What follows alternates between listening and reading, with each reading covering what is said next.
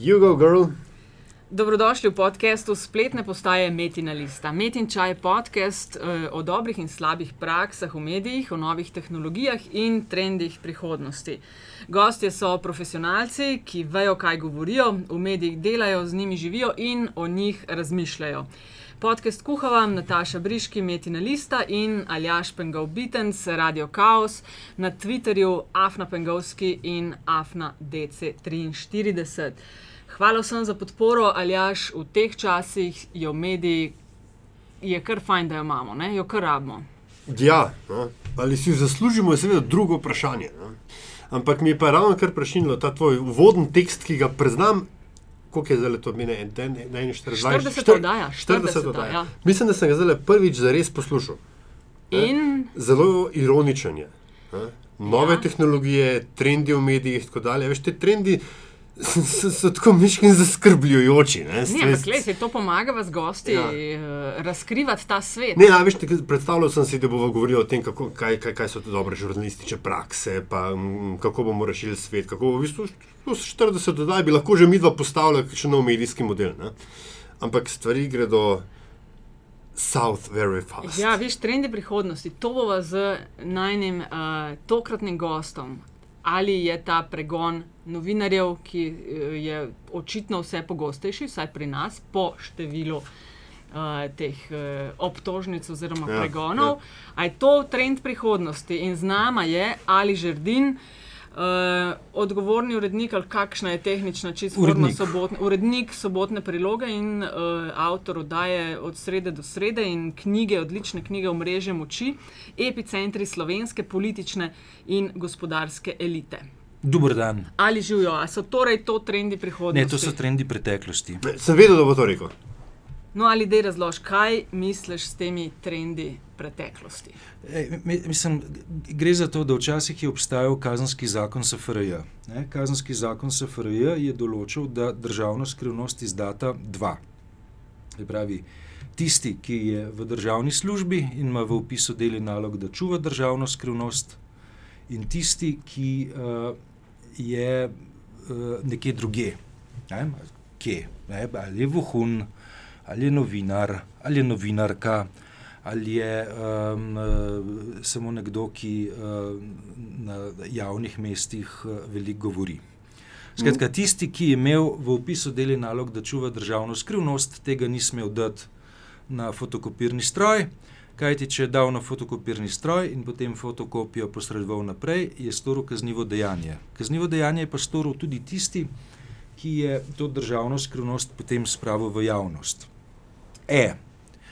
Potem, potem, potem je prišlo leto 89, mislim, da leto 89, ko je bil kazenski zakon SFRJ, če tudi se to danes zdi uh, nenavadno, da se je to dal doseči, spremenjen. Spremenjen je bil na način, da uh, v tem paketu pride do razdružitve. Se pravi, državno skrivnost je dolžan čuvati tisti, ki ima to v opisu deli nalog, če pa nekaj, kar je državna skrivnost, pride do novinarja, novinarke ali pa nekoga, ki rad govori na javnih mestih, ta ni storil kaznivega dejanja. Ne? Kaznivo dejanje stori tisti, ki, v, ki je imel v opisu deli nalog, da državno skrivnost čuva ne, novinari pa tega nimamo.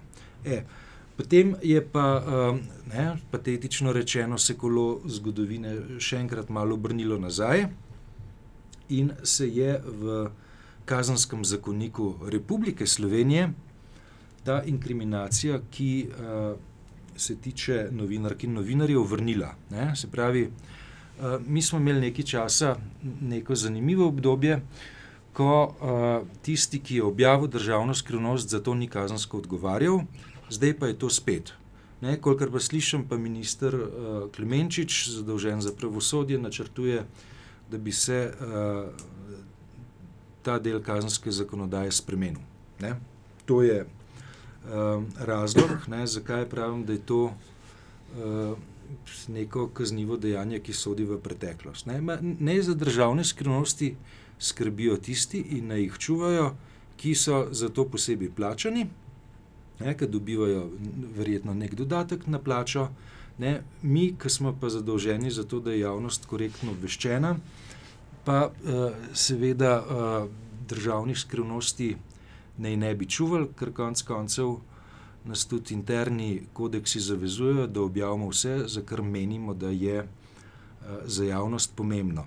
E, zdaj bi jaz lahko naredil piko, pa je ne bom. Ne? Drugi del.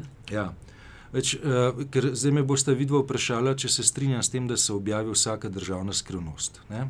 Nismo še tam. No, ne, ampak ne, jaz, se, jaz se s tem, da se objavi vsaka državna skrivnost, ne strinjam. Ne? Meni se zdi tako, ne, pač, da država določene skrivnosti lahko ima. Uh, kaj se jim, jaz kot novinar ne bi nikdar šel uh, objavljati seznama agentov, ki za Republiko Slovenijo delajo v uh, Pakistanu, recimo, ne, in tam zbirajo pomembne obveščevalne podatke za naše zahodne zaveznike. Ne. Jaz imena agenta, ki to v Pakistanu počne, uh, ne bi šel objavljati nikdar. Ne, zaradi tega, ker uh, bi s tem ogrozil njegovo varnost. Okay, jaz imam tukaj eno fajn zgodbo. Pred leti sem, ko glih o tem govoriš, uh, sem v Washingtonu intervjuvala Bena Bradleya. Ja, za časopis, ki sem ga jaz urejal. Tako je. Eh, eh, Washington Post, eh, prav eh, pogledati sem eh. šla, kjer primer je on takrat omenil. Ker sem ga točno to vprašala. Uh, kakšni so pritiski na njega, to bom pa tudi tebe vprašala. Uh, in uh, kdaj misli, kaj je za objaviti in kaj ni za objaviti. In on je seveda takrat rekel podobno kot ti zdaj, da recimo v vojnem času, pač če uh, dobiš informacijo, kdaj bo premik vem, bojnih ladij, kjer dan tega pač zadržiš zase, ne objaviš. Ne? Pol je pa dal uh, primer, da nekoč smo izvedeli za skrivno operacijo Ivy Bells. To je bila naprava, podobna crkvenemu zvonu, ki so jo spustili v globino morja na kabel, ki je med hladno vojno služil za komuniciranje med ruskim vodstvom in njihovimi vohuni po svetu. Ameriške podmornice so znotraj tega zvona pritrdile majhen snemalnik, ki je kakšen teden beležil pogovore. Pol so pa prišli po, s podmornico po ta snemalnik in analizirali posneto. Šlo je za dragocen vir informacij, Rusi so bili prepričani, da jim noben eh, nihče ne prisluškuje in so se pogovarjali v ruščini in, in ne v nekem kodiranem jeziku. Ne. To je bila za ameriške obveščevalne službe velika pridobitev, zato je zvedel Woodward, ne, Watergate afera. Uh, super zgodba, ampak so vedeli, je rekel, da je ne morejo objaviti. Uh, predstavniki CIA vlade so na široko o tem uh, razpravljali, niso jo pa objavili. Ampak ko so pa Američani enkrat šli na podmornico po kaseto, kasete več ni bilo, je bilo jasno, da so jih Rusi odkrili. Ne? Je rekel, no takrat pa je zgodba postala objavljiva. Uh, da jih je jasno Bela hiša eh, skozi prepričvala, kaj, da tudi takrat naj ne objavijo, ampak pol argumentov za to niso več imeli. Tako da, mogoče no, en ja. detalj. Ja. Te... E, mislim, zdaj, tako, zdaj, če, če prevedemo te dileme v, v pravni jezik. Ne? Potem pridemo do nečesa, kar uh, se v pravni te teoriji imenuje koncept skrajne sile. Dajmo predpostavljati za trenutek, da ureditev, kakršna velja v Republiki Sloveniji, ne, ko uh, novinar stori kaznivo dejanje z izdajo državne skrivnosti, ostane. E, uh, če tudi vem, da bom zdržal uh, uh, z objavo državne skrivnosti storil kaznivo dejanje, uh, imam določen manevrski prostor. In sicer temu manevrskemu prostoru se reče ravnanje v skrajni sili.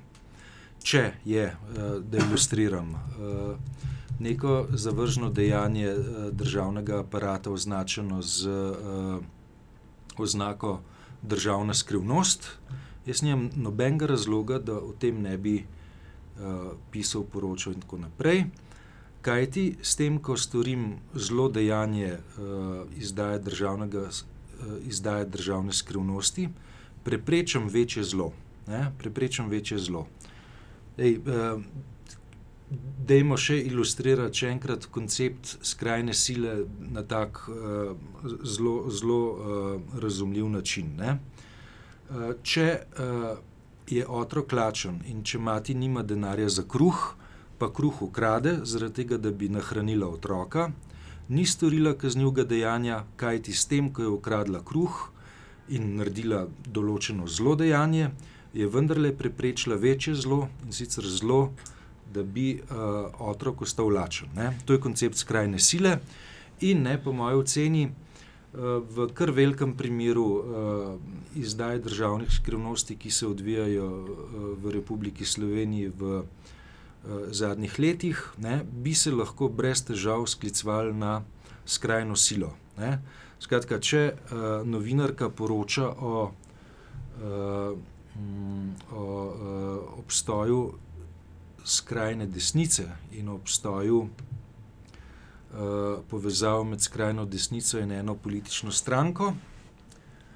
Uh, pa če ne bi, ne, če ne bi, zato je izvedla iz zaupnih dokumentov, je vendarle uh, z objavo storila manjše zlo, kot če bi bila tiha. Okay, zdaj, ta primer je, malce specifičen, ne, zaradi tega, ker ni benga dokaza, Eh, da je novinarka sploh vedela za kakršna koli poročila tajnih služb, ki naj bi se ukvarjali s krajno, uh, krajno desnico v Republiki Sloveniji. Ampak niti, v bistvu niti ni. No, vsak primer je seveda specifičen, ker vendarle take stvari se ne dogajajo dnevno, ne, hvala Bogu, v Sloveniji. Ampak mogoče moramo tudi mi dva, Nataša, tukaj v nekem kontekstu poslušati, zakaj je ali sploh tu, ne, ne samo zaradi njegove novinarske avtoritete in tako dalje, ampak v eni priložnosti sem to že povedal, moj veliki idol si postal z knjigo Generali brez kape, ne, ki se uč, uh, ukvarja s časom odbora za varstvo človekovih pravic, afero JBTZ, ki je ne, nastala. Na fotokopircu, ki se ga predko zelo figurativno omenjal, z nekim tajnim dokumentom, katerega, kjer naj bi šlo za neko izdajo, neke državne tajne, ki je bila vsebina tega dokumenta, pa če se zdaj prav spomnim, ne bi bila celo protiustavna Ja, s, tako takratno, in s takratno slovensko, socialistično in jugoslovansko ustavo. Ne? Skratka, armija je delala po svoje.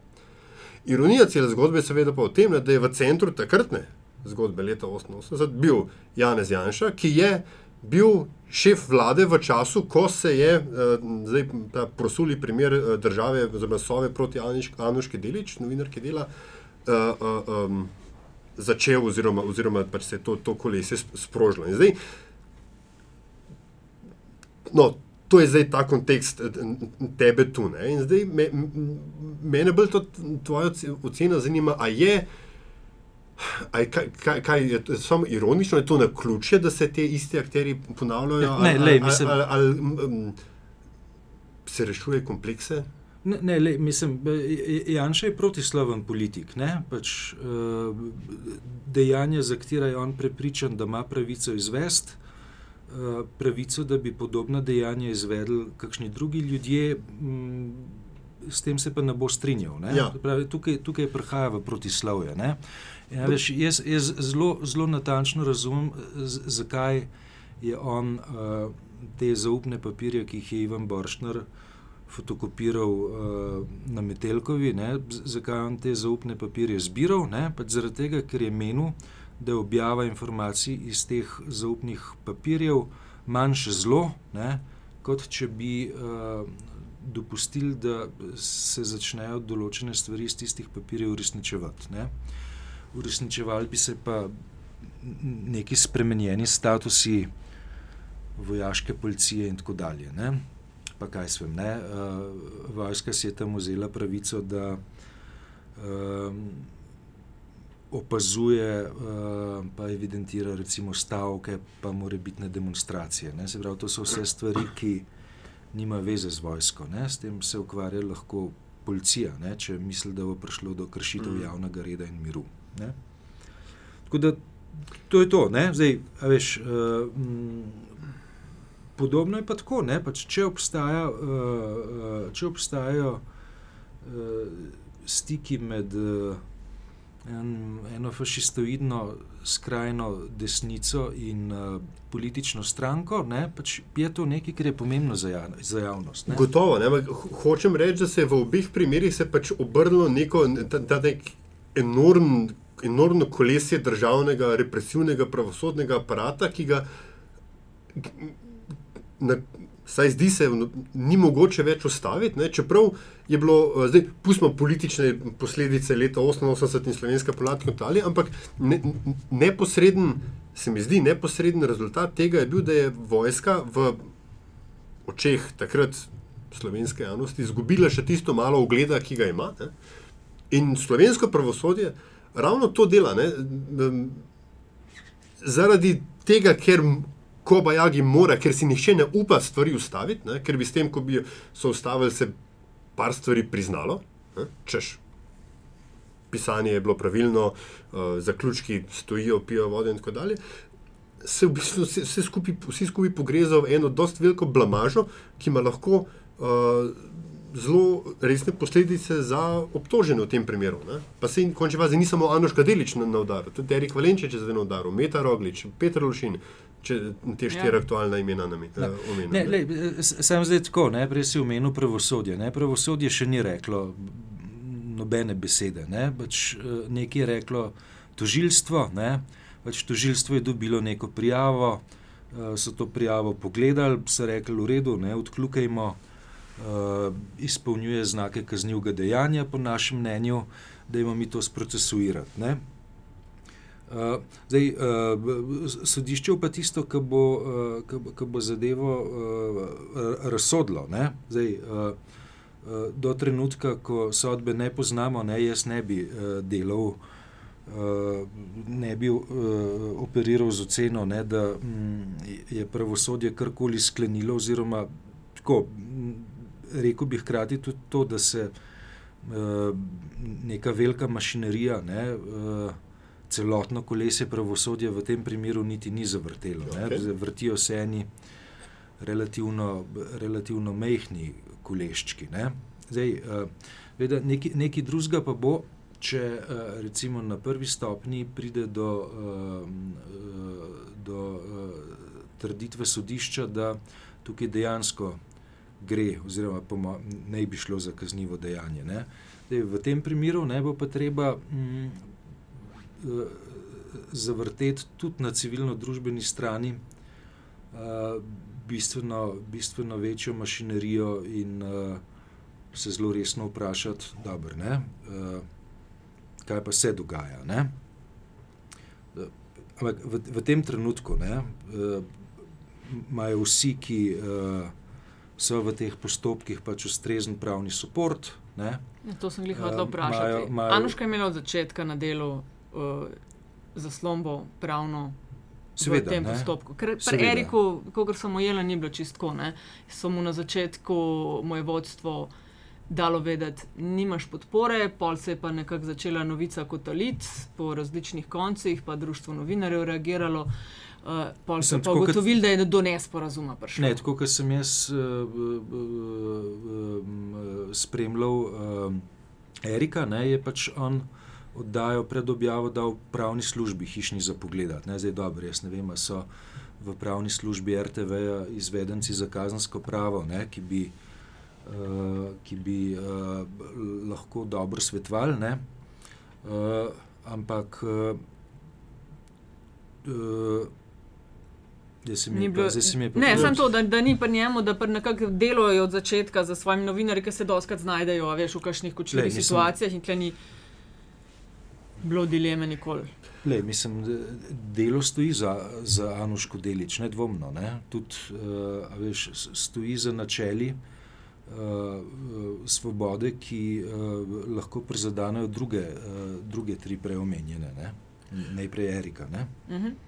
A je to držav, mislim, država je dobila možnost ne, za spremembo KZ-ja v času ministra Šturma, da procesuira oziroma sproži postopke proti takih domnevni um, izdaji državne skrivnosti.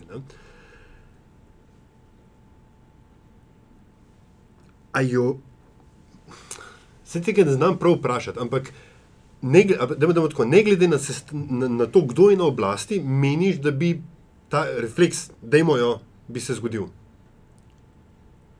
Ali ja. je to inherentno državi, če ima to možnost, da bo ona potem zdaj novinarje preganjala? Le, mi se zdaj tako, ne, da, da država reagira, ne, se pravi, državno tožilstvo reagira, ko dobi uvadbo. Ne. Uvadbo lahko da kdorkoli, ne. vsak občan jo lahko da, konc koncev. Uh, lahko reagira po uradni dožnosti. Kolikor vem, je v, v, v, v primeru Anuške Delič šlo za za uvadbo uh, tega fanta, ki je včasih sovo vodil, no? kaj že Črnčec. Dok, doktor ja. Črnčec. Ja. Ja. P- in pač potem uh, pa mora tožilstvo pač nekaj ukreniti. Ne?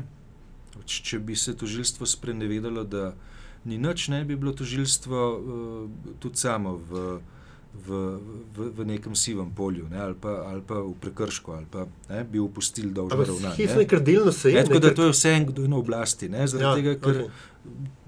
tožilstvo reagira, ko dobi ovadbo, ovadbo da pa lahko vsak. Ne? Se pravi, ključen element neke demokratične družbe, seveda ni v tem, da se vsakokratna oblast om, samo omejuje, čeprav recimo možnost teoretično ima, ne? ampak da te, da te možnosti v bistvu sploh ne sme imeti, tako kot je nekoč že bilo. Ja, jaz bi tako rekel, ne, ali, pa, zdaj, ali, pa je, a, ali pa je treba tako eh, dosti inteligentno napisati eh, člen kazenskega zakona, ne, pač ki, eh, ki bi eh, eh, upošteval, ne, da, kaj- se ne, določene izdaje državne skrivnosti, ki jih v, v katere eh, novinarka ali pa novinar zavestno gre, ne, pa povzročijo škodo, ne, škodo, škodo državi. Ne, mogoče v tem. Uh, E, to spet puščaš, Ne? a veš, to interpretacije, ja. veš, da bo Ne. eh, znal najti, da, Veš- vedno, da je škoda. Tako da, da uh, pač uh, zelo, zelo prefinjeno bi bilo treba napisati. Ne? Tako je pa zdaj, le, veš, da vse, ki je poštemplan, ne, pa pride ven, pa je kaznivo dejanje, e, pa ni v redu. Ne? Čeprav še vedno, ne, še vedno tudi v tem primeru uh, obstaja pravni inštitut skrajne sile, ne, s katerim se da, m, po mojem, relativno zelo velik del primerov obraniti. ne. Mhm. Ne? Ampak spet pa, spet pa ponavljam, ne? eh, pri, pri Anuški Delič ne? v tem trenutku ni nobenih meni znanih znakov, ne? da ona kadarkoli videla kakšne eh, zaupne papirje ali pa slišala zaupne informacije, eh, pa na, na tej osnovi potem pisala tekst o eh, skrajni desnici. Ne? Ker konec koncev, ne, zakaj bi bila pa sova edina v tej državi sposobna zvrtati neke podatke, če pa so morda na Facebooku. Ne? Mhm. Mhm. Prosti, samo še, še tole. Ne, um, v svoji karieri si že videl, ne, zdaj tisto to famozno leto 88 uh, in tako dalje. Ti si videl, ti si operiral tudi s kakšnimi, um, bom rekel, kočljivimi dokumenti, tajnimi in tako dalje. Pa potem to obdobje, ko ni bilo v novi svobodi, v novi državi, ko je bilo vse fino, fajn. uh, Kdaj je bilo, to bo zelo naivno vprašanje, kdaj je bilo bolj zanimivo biti novinar? Takrat, ko veš, da te lahko primajo, te kdaj paranoja dajala? Ma ne. Mislim, uh, lej, tako, uh, če, če govorimo o tem, veš, kdaj so kakšne realne grožnje obstajale, ne, pač obstajale so uh, v, v času, odkar jaz delam novinarstvo, ne, pač konec 80-ih, pa uh, pač v času vojne, ne, ko je šlo za, za, drug, za drug tip grožnje, ne, se pravi grožnje strani ene druge države, ki je eh, se pravi Jugoslavije, ne, ki eh, je takrat ogrožala eh, Slovenijo, pa konec koncev tudi novinarje. Ne. Eh, Zdaj, uh, jaz sem, jaz sem, ja, seveda, jaz sem imel uh, kar, kar lep, lep dosje uh, zaupnih dokumentov, ki sem tudi ga označil z napisom zaupno. Ne. Mislim, da če bi kdo prišel iskat, da se ne bi bilo treba mučiti preveč. Uh, pač to je bilo v času, ko, uh, ko stvari še niso bile digitalizirane. Ne, pač sem si uh, papirje, papirje lepo hranil. ne. Uh, kaj je bil moj prvi zaupni papir? Verjetno ta kučenov magnetogram, ne, ki je pa uh, na fotokopircu imel uh, naklado zelo fenomenalnega bestsellerja. Ne, po mojem naklado 50 odtenkov sivine so, so fotokopirci takrat natisnili. Ne. E, da, Ali ti sloviš, kot ko si zdaj omenil, že te tvoje pakete informacij, kot uh, nekdo z eno najbolj impresivnih podatkovnih baz, uh, da si to zelo sistematično se s tem ukvarjaš že dalj časa, tudi ta knjiga, ki si jo napisal, je to, če se ne motim, tudi doktorat, ki si ga naredil, ne? te, Ja. te povezave. Elita, slovenska, uh, politična in gospodarska. Kako imaš ti to zavarovano? Veš, zakaj sprašujem? Ker je par tednov nazaj Leonard Kučič objavil zelo zanimiv ali bila kolumna ali članek v delu, uh, kako zavarovati se na spletu, veš, te kriptirane. ja svojo, svojo digitalno prisotnost. Kako imaš ti to zavarovano? Ker če včasih bilo, veš, da printanje paperjev je to vse zdaj nekje v oblaku, ne vem, je bilo na disketi, na ključku. Povej, kar smeš. Ne, ne, na oblaku ni nič, uh, tudi nič ne gre, uh, nič ne gre na, na internet, ne, uh, gre pa na ključek. Ne. Uh, zdaj, nekaj časa sem imel tudi enkripcijo, uh, kar močno, Eh, pa sem potem um, ocenil, da uh, morda tega ni treba enkriptirati. Uh, ampak ja, mislim, da jaz, jaz se obnašam kot hrček, ne, zbiram podatke, ki mi bodo po zimi morda prav prišli. Uh, ti podatki so uh, vsi iz javnih virov, ne, tako da uh, ne, ne zbiram zaupnih podatkov. Uh, In uh, pač ja, ne, uh, podatek, da je nekdo kandidiral na volitvah, ne, če sedem let prav pride. Ne. Sploh, če vidiš, kje je kandidiral, pa se v nekem trenutku pojavi v nekem novem kontekstu. Ne. Zdaj, uh, ker uh, ni rečeno, da uh, bo recimo seznam kandidatov uh, na volitvah ostal na spletni strani. Eh, državne volilne komisije, pač si jaz drznem, da si ga shranim. Tako kot uh, časopisni arhiv uh, še vedno hrani pole, ne? sicer malo mal težje pregledne, ne? na katerih so ljudje, ki so kandidirali leta 2003. Mhm. Bi pa to sej, si mi opazil, da je kakšne poskuse, da je kdo želel kakšni udrti v ta tvoj arhiv? Ne, ne, zaradi tega, ker je postavljen tako, pač, da, da udor, kolikor jaz razumem, računalniške tehnologije ni možen. Pač, uh, uh, ni, uh, ni, uh, pač, ne, lahko, bi, lahko bi fizično ne, uh, odnesel kdo računalnik. Ne, ampak, lej, uh, ne vem, kaj si bo s tem pomagal potem. Okay, uh, ali jaš te je v bistvu vprašal, kdaj je bilo težje ali pa lepše biti uh, novinar. A so tebe kot na uredniških funkcijah, si že, že desetletja razpolagal s takimi informacijami, si ti imel kdaj te bližnje stike z sovami in vsemi ptiči, ki spremljajo. To, da neke informacije, ki jih ena skupina ponovadi politično interesno označi, za to pa bi bilo fajn, da ni objavljeno. Ne, le sovo, sovo nikdar, ker zdaj ta firma vendarle vajena poslovati za dosti diskretno. Ne? Tako da um, tukaj kakšnih uh, izrednih opozoril, pa tudi posrednih opozoril nisem nikdar dobival.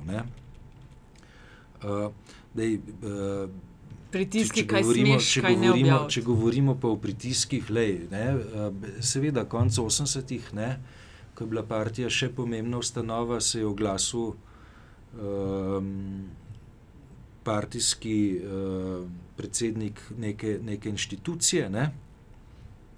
uh, srednje, srednje visokega ranga, in je potem želel z mano polemizirati, uh, razpravljati o tem, kaj je ja in kaj ne.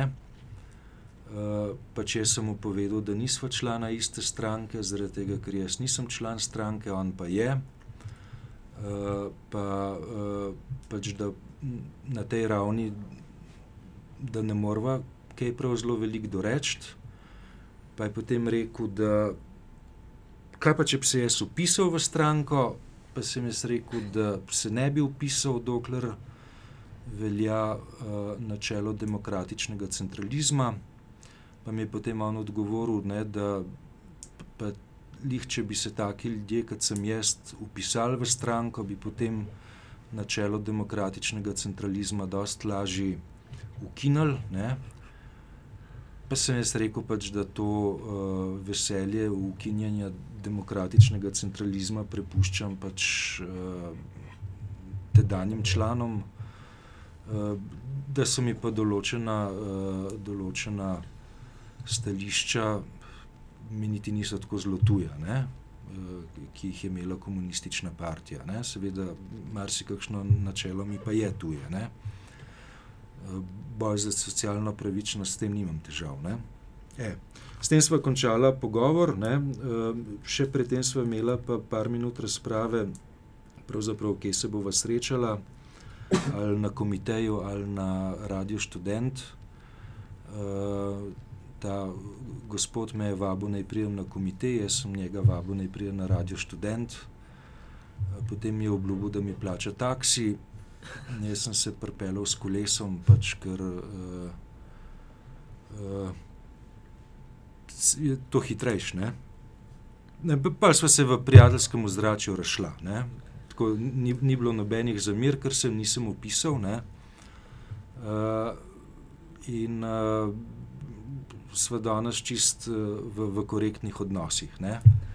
A misliš, da je sploh mogoče kdaj rešiti v, ne vem, rečemo, oboje stransko zadovoljstvo to, da imamo na eni strani željo po agresivnem preiskovalnem, ne razkrivaškem, preiskovalnem novinarstvu, uh, se pravi takmu novinarstvu, ki uh, organom, vrhovnim organom non-stop diha uh, za vrat in gleda pod prste, in na drugi strani državo, ki skriva karkoli že pred sovražniki. Veš, ta en konflikt je non-stop, misliš, da je kdaj možno doseči sploh dogovor, da bi bil volk sit in koza cela. Ali bomo no. vedno v tem konfliktu? Zdaj, zdaj tako, ne, pač tle gre za vprašanje, veš, kaj, kaj je označeno s državnimi skrivnostmi. Ne. Zdaj, veš, če, če smo zdaj le pri privatizacijah, ne, pa če uh, obstajajo kakšni seznami, uh, kaj bi se privatizirali. Eh, pa so zaenkrat zaupne narave. Ne? Tukaj jaz nimam težav, da bi objavil seznam. Ne? Če je pa zraven napisana končna cena, pri kateri bi država bila voljna uh, določeno podjetje prodati, pa te končne cene ne bi objavil, ne? zaradi tega, ker bi škodil državi kot uh, prodajalcu, ker s tem uh, ubijam njene pogajalske sposobnosti. Ne? Tako naredi to, profesionalen ne. novinar, ja. aktivističen ja. novinar, kakršnih ni malo, pa ne.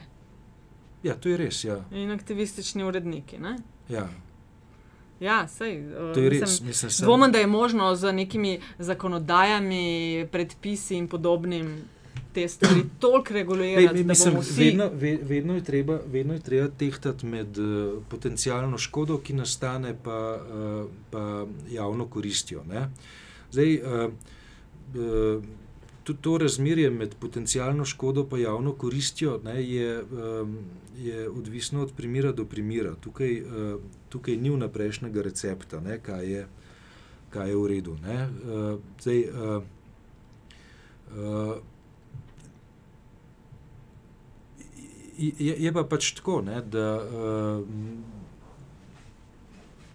mediji, ki so, uh, da jim rečem, uh, uh, agresivno bolvarski, ne, bi enostavno zaradi dejstva, da je neki poštempljan, uh, šli objavljati tu ceno.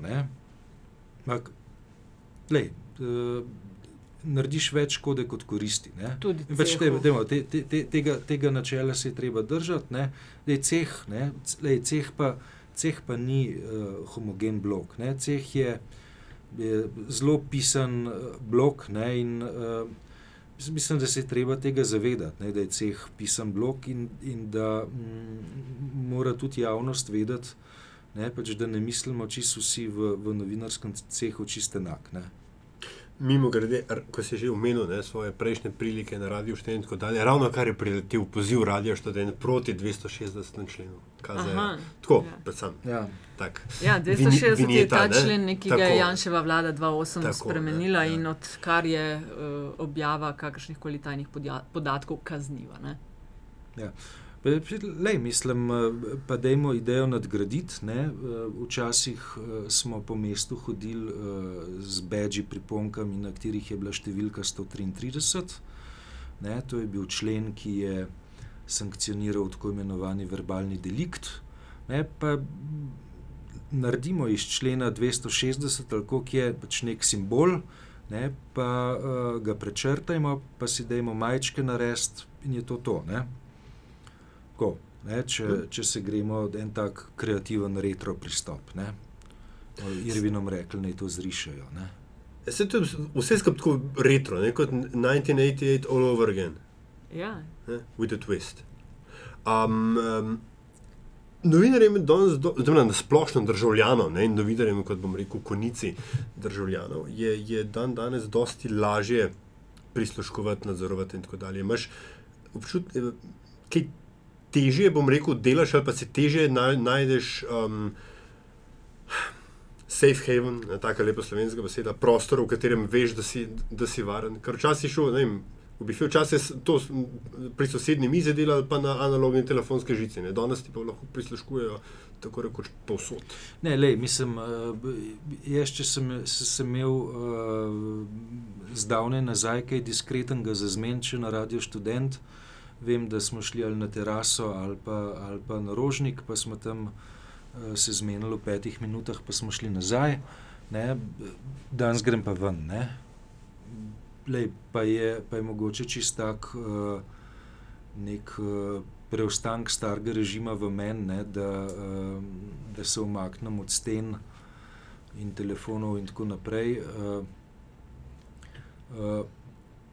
Pa pravzaprav to naredim na nek način, ki je uh, refleksen. Ne?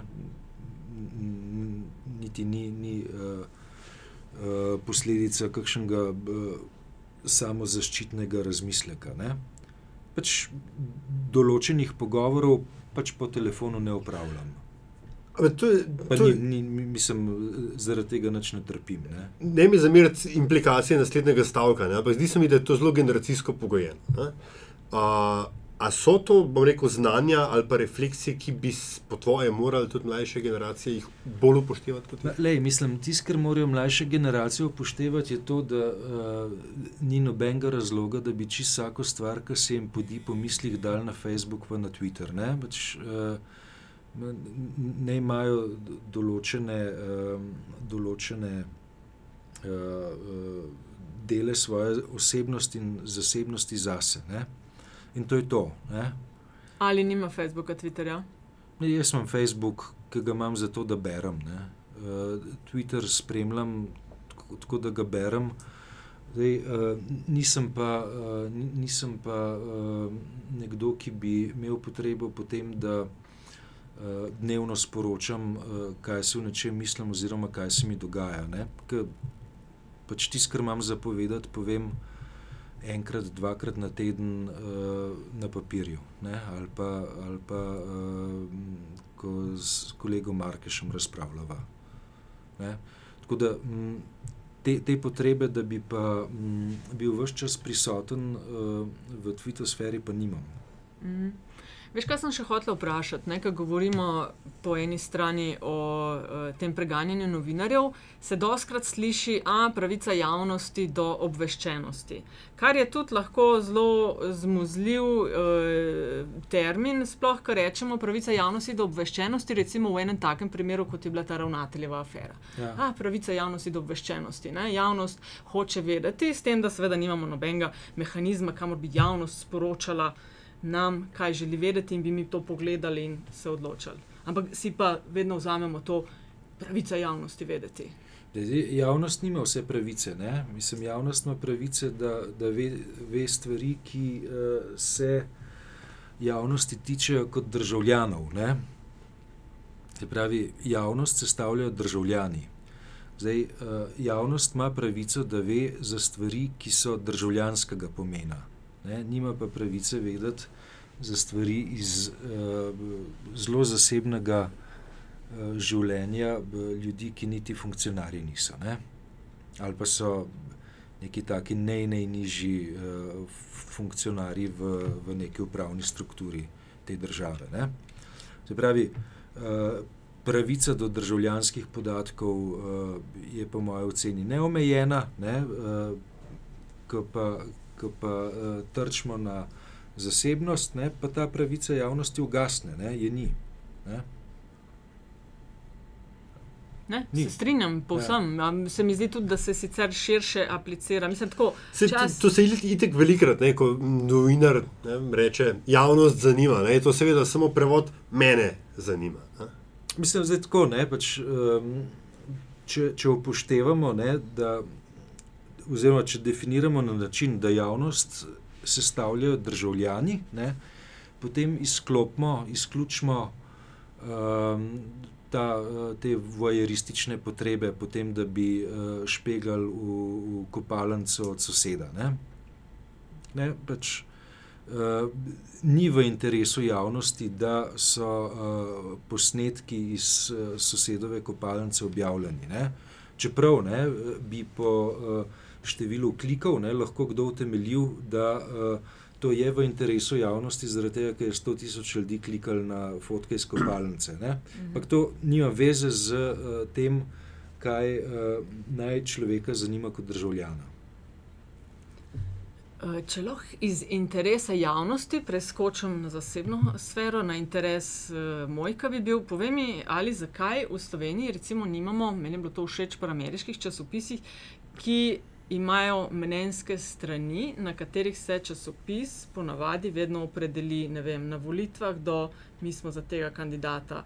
Eh, V primeru kakšnih vprašanj, ne vem, pravica do splava, karkoli, to je prav. V Sloveniji tega ni, oziroma veš vedno pri posameznih novinarjih, kam Mhm. pa staco moli, ne postavi se pa kot, ne vem, uredništvo dela. Ja, lej, to.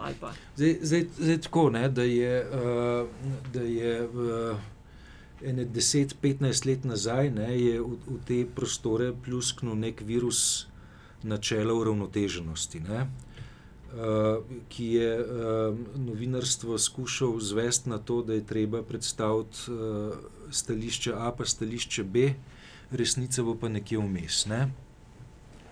Uh, S tem to, to načelo uravnoteženosti spregleda zelo verjetno situacijo, ne, ko se ti zlaže A in ko se zlaže B, ne, in potem naj bi uh, resnico ugotovili ob pomoči sinteze dveh laži. Ne. Nič ne bomo ugotovili, če dve laži sintetiziramo, dobili bomo tretjo laž. Ne. Uh, ampak skratka, ta, ta, uh, ta ideja uravnoteženosti, ne, ki je tudi po časopisu Delo um, zelo grobo zarezala ne, pred uh, kakšnim desetletjem, ne, je pač naredila škodo. Ne. In pač uh, bo treba uh, s časoma ne, pač pojasniti, da uh, so ne, določene teme, pri kateri je smiselno se iti v uravnoteženost, ne, potem so pa teme, pri kateri je pa uh, potrebno zauzeti stališče. Ne. In uh, uh, s tem, ne, s tem zauzemanjem stališč, uh, ki bi bila tudi na nek način institu institucionalizirana, ne, pač pri nas določene težave obstajajo. Ne. Zdaj, dobro, ne, uh, na delu uh, se držimo tega, da um, občasno uh, komentar napiše odgovorna urednica ne, in to, je, to velja za razumeti kot stališče uredništva. Ne. Uh, Uh, dej, vem, pa, vem pa iz preteklosti, ne, da uh, je včasih uh, obstajala zadrega, ko je imel uh, kar imeniten urednik delati Dobršek določena stališča, ki uh, v uredništvu niso imela enoglasne podpore. In zaradi tega, ker te enoglasne podpore ni imel, uh, potem uh, kakšnega uh, svojega stališča tudi ni šel objaviti, ker uh, se je predpostavljalo, ne, da kar nosi podpis odgovornega uredništva, urednika, nekako uh, izraža stališče vseh, ne, ki tam delajo. Ne. Mm, tako da mm, je tudi, tukaj tudi uh, pač nekaj zgodovinskih razlogov, ne, zakaj, uh, zakaj do tega ne prihaja. Ne. Uh, pač te, te, ta, ta tradicija malo manjka. Ne? Bi se rekel, okay, ne. Ti bi to Na- imel, na- na ali re- ne bi? Lej, mislim, jaz bi, uh, jaz bi uh, o tem zelo resno razmišljal. ne. Mhm. Ker s- s- Zdaj zdaj je tako. Ne? Mm, ta drža, uh, drža neutralnosti. Ne? To je seveda privid. Ne? Pač neke, neke absolutne neutralnosti v, v prostoru, ki je naddoločen z uh, globalizacijo, ekonomijo, političnimi interesi in tako naprej. Ne? Pač te absolutne neutralnosti ni. Ne? Zaradi tega je, uh, po mojem, uh, bolj korektno, če uh, časopis svoje stališče izrazi in s tem da bral, bralki in bralcu možnost, da oceni pozicijo, s katero časopis določene stvari izreka. Ne? Se pravi, da okay, lejte, ne, to je naše stališče, iz tega našega stališča izhajajo še druge stvari, in ima uh, potem. Uh, bralec, tudi če se s tem stališčem ne strinja, možnost, da svoje branje na nek način kalibrira. Ne? Uh, ali ja, še 350 vprašanj imamo, ampak uh, moramo nekaj črta potegniti. Ja, res je. Treba je predstaviti piko. Piko, ja. Samo mogoče še čist na hiter, uh, ali zakaj od srede do srede še ni podcast? Lej, ne vem. Uh, tudi kakšna druga stvar bi lahko bila na delu podcasta, ampak zdaj tako, ne, da uh, pri nas arhitektura te spletne strani je relativno stara. Ne, uh, razmišljam o tem, kako jo uh, posodobiti. Ne, uh, in potem, ko imaš neke ogromne količine podatkov, prepetih na staro arhitekturo, so te posodobitve toliko bolj zapleten, zapleten podvig. Ne. Tako da to, to je nek razlog, ki ga lahko zimproviziram. Ne bi pa moral vprašati uh, kolege, ki se s tem bolj intenzivno ukvarjajo. Okay. Dega ti, ali jaš tokrat za zanimivost, sem ga obvestila. Ja, ja je obveščen. Skratka, zanimivost, our moment of zen.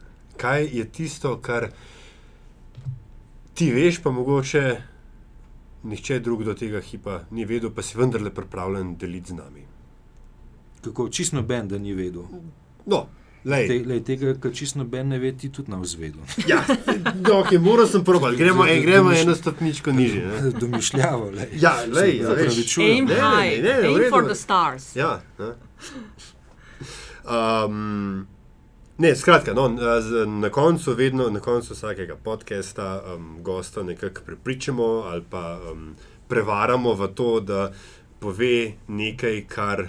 Kar ne vemo, mogoče ne? ja, je tazga, kar se ti zdi, da bi znal zanimati. Je, je to anekdota, je to vinjeta, je to morda res kaj, kar um, bi bilo ekskluzivno za poslušalce. Ali se ukvarjaš s čim, pa ne vemo, veš. Ja, Lej, mislim, igraš curling, recimo, tega, to vem, da ne, tega vem, da ne. Je, tako, če, če, ne bi, če ne bi delal tega politično-ekonomskega novinarstva, pa bi delal potapljaško novinarstvo. To, recimo, to lahko povem. Ne? Zakaj? Enkrat, enkrat je tako nanesel, da sem šel se potapljati v divje jezero in je bilo imenitno. Tako, to bi me tudi zanimalo. Ne? Eno tako preiskovalno novinarstvo, ko je treba zelo globoko iti v materijo, ne? zelo veliko stvari razkriti, ne? videti nekaj, kar ni še nihče videl. Ne? Da, dober, ne? Bi, pa, bi pa moral pri tem uh, se naučiti še uporabljati videotehniko. Ne? recimo, to bi me zanimalo. Ja. Še kar drzno. A? Še kar drzno. Ni to ja, divje no. jezero pri nas najgloblje ali nekaj takšnega. Ja, pa temno, ja, pa tako. Ja, je, se je na neki globini vse tam. Vidiš, da imaš neko tendenco noš, nošenja glave v torbi. Ne, to... ne, lej, mislim, uh, nisem, nisem prav zelo globoko rinil. Da... Do kog si prišel? 50 metrov. A ja, no, to imaš, pljuča, polorang. Ja, se ne greš na zrak, se sabo, sabo se sen, Mislim, ne greš, ne greš na dah. Ne? Ja, ok, ne, sen se ti to malo. Neseš, neseš sabo uh, kramo, ne, ki ti omogoča, ne, uh, da tam čufutaš uh, in uh, pa prideš ven. Ne, ne prelepo. Ne. Če to je, kaj se je zares zgodilo s kapo generala Tuminca? Ej, ne vem, lej, uh, bilo je tako, da jaz sem, jaz sem kapo ukradel na uh, sestanku Socialistične zveze delovnega ljudstva. Potem sem to kapo skril na rožniku, nekam v moje eh, skrivališče, v en dimnik sem ga skril, sem jo skril, potem sem jo skril še nekam, potem sem pa jo čez čas prenesel uh, na mladino in uh, sem o tem tudi uh, precej nakladal na mladini. Ne? In pač potem je ta kapa bila, vem, nek predmet zafrkavanja na mladini, dokler ni šla. Ne? Pač in uh, ne vem, kdo je z mladine odnesel. A je dobila noge. En mu je Ja. plunil. Lej, mislim, moja trofeja je šla. ne. Tatini. Lahko tisto meni rečeš. Uh, zagonetno. Ja. Ne, zdaj, mogoče se je kdo javil, ne? Mogoče se je pa kdo javil, ki pa zgodbe ne pozna. Ne?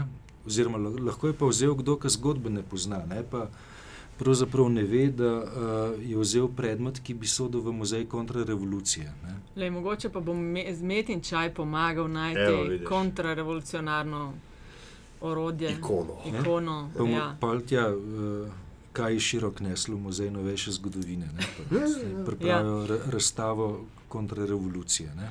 Ej, ali hvala za pogovor. Zelo Kontra. hvala. Uh, upam, da še kdaj prideš. Uh, torej, če ste uživali in morda biti kaj novega izvedeli o poslušanju umetnega čaja, iskreno veseli bomo vaših tweetov, všečkov, downloadov in šerov, tudi vaših ocen v iTunesih, komentarji in predlogi. Dobrodošli na infoafnametinalista.si. Če nas želite finančno podpreti, povezava je na spletni strani.